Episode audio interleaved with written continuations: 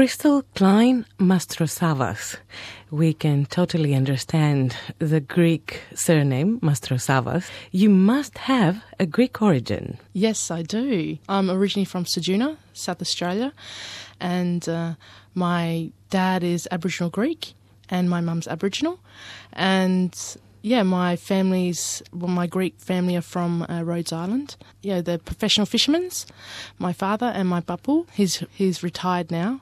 And yeah, shark fisherman, and yeah, very famous along the west coast of South Australia. Rhodes Island is a very famous uh, Greek island, and of course has um, a tradition in fishermen, which seem they exported here to Australia. You have the mixed blood mm-hmm. inside you, which is original Australian and Greek. How did that affect your upbringing? I knew that, you know, we had mix in us, but I know I just accept it for what it is. And, you know, family is family at the end of the day. And I didn't get much much racism, especially when growing up. Yeah, I just very much I had both side of my families. So it was very much big family just full of love and friends. Yeah. How did these two cultures combine in your upbringing? What kind of uh, Greek memories do you have, let's say, from Greek traditions, and what Aboriginal ones? Well, I remember the eggs, the red red eggs for Easter. And yeah, I remember a lot of plate smashing in the Greek Orthodox Church or the hall. And yeah, just going to school with a lot of Greek people as well, and a lot of Indigenous as well, growing up out on country, and coming together campfire and with culture and tradition, and listening to the Dreamtime. So it all mixed together very well. And my father, you know, he's a professional fisherman as well, just like his father, and yeah, a lot of growing up on seafood and learning about the cooking. And yeah, moussaka is just like really yummy. One of your favorite Greek dishes? Yes, definitely. Have you learned how to make it? No, I haven't. No, no. Um, I know it's with eggplant and I think there's potatoes, zucchini. Yeah, all of that is really yummy. But I've got to learn how to make it. Dolmades as well are really yummy. Mm-hmm. I love olives. Well, yeah, that's the Greek speaking inside you. You can't take these tastes out of your DNA. That's it. To be sure.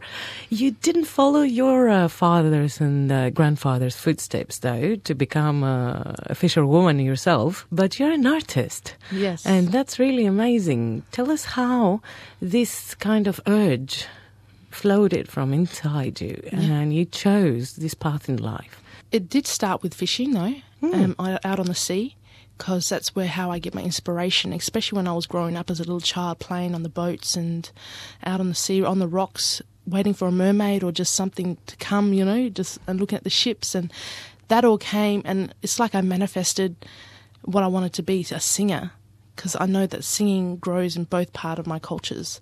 And I just knew I was going to be a singer and then I just did it one day one day it just clicked. I moved to Melbourne and I became an artist, a hip hop jazz artist, um, under the name Lady Lash. And yeah, just I couldn't believe it. And I still can't believe it today that I'm actually living my dream. Lady Lash is the artistic name you use. Mm-hmm. And can you tell us why did you choose this particular nickname? Well, when I first come to Melbourne, I had to think of an MC name because you know when you're hip hop and you got to pick up a name and stuff. I was like, oh, what's going to really resonate with me? So I sat down and I was going through all these names, and then I flicked my hand on my eyelash, and I said, "Lash, lash. Hmm. Oh, lash is good. All right, maybe I should do lash." And I do have long eyelashes, so I was like, "Lash, MC Lash," and then someone else, I don't know how it came along. It, someone just started saying Lady Lash, and then it just grew from there. Tell us about the first song you ever sung, are you also creating the music or the lyrics? What's your participation in the final result? And especially, we're interested about which one was the first one. When I first started, it started with sonnets, especially from Shakespeare, reading the poems, and then it started off with poems, and it just went into rhymes, and then yeah, it just transcended from there. But then all my music now is compiled with my husband, and you know, we just put it all together and we come together creatively and writing and yeah, it all comes together, which is cool. It sounds beautiful. Sometimes your partner have to be an artist too in order to understand you and help you express yourself. Yeah. And you're lucky enough uh, to live a situation like that at home. Mm-hmm. You come from a big family. You've got five siblings. and Six. Six. Six. Yeah, I'm the oldest of six. You're the oldest of Yeah. 6 Mhm. And how many kids yourself? Three. I have three children. hmm Yeah. Are they helping out at all with the music creation, telling you what's in fashion now? Yeah, I always listen to what they do, but the little toddler, he, little two year old, his name is Thomas, and he loves the music. He'll just nod his head.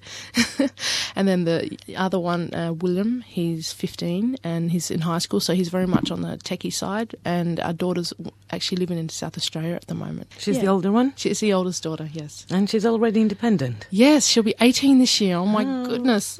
They just grow too quick. Of course, they do.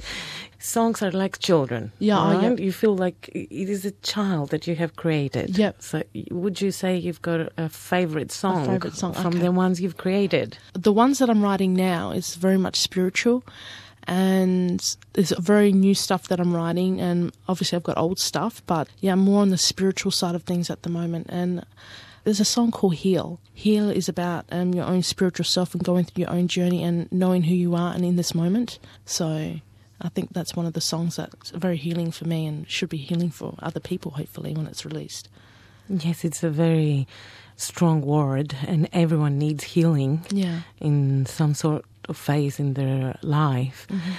What are the other messages you're trying to pass? Spiritual messages through your songs Yeah. and your music. that we are here on this earth as humans and that we're all connected and we manifest our dreams and we bring it back to us and always to keep your dreams alive and being positive and being happy here within yourself just finding you and being happy and peaceful and comfortable instead of being crazy in your head too much talking going on too much stress too much work life it's more to do with take a breath and just breathe Take a breath, take a break Mm-hmm. from all this fuss and hustle in life. Now, you know that you are invited to appear on the stage with us Yes. during the live broadcast from the Greek festival, the annual Greek festival that turns 30 this year, the Antipodes Festival in Lonsdale Street. Are you looking forward to it? I'm very much looking forward to it. This will be my first ever amazing Greek cultural event, and I'm very excited and very honoured to be a part of such a, an amazing ancient history that we have. Yeah. So, towards all our listeners that live in Melbourne or are visiting Melbourne during the Greek festival, Lady Lash or our own Lady Lash, Crystal Clyne, Mastrosavvas. exactly is going to be with us, and you can have the chance to see her in person, hear her music, and upload. Yes. Thank you very much.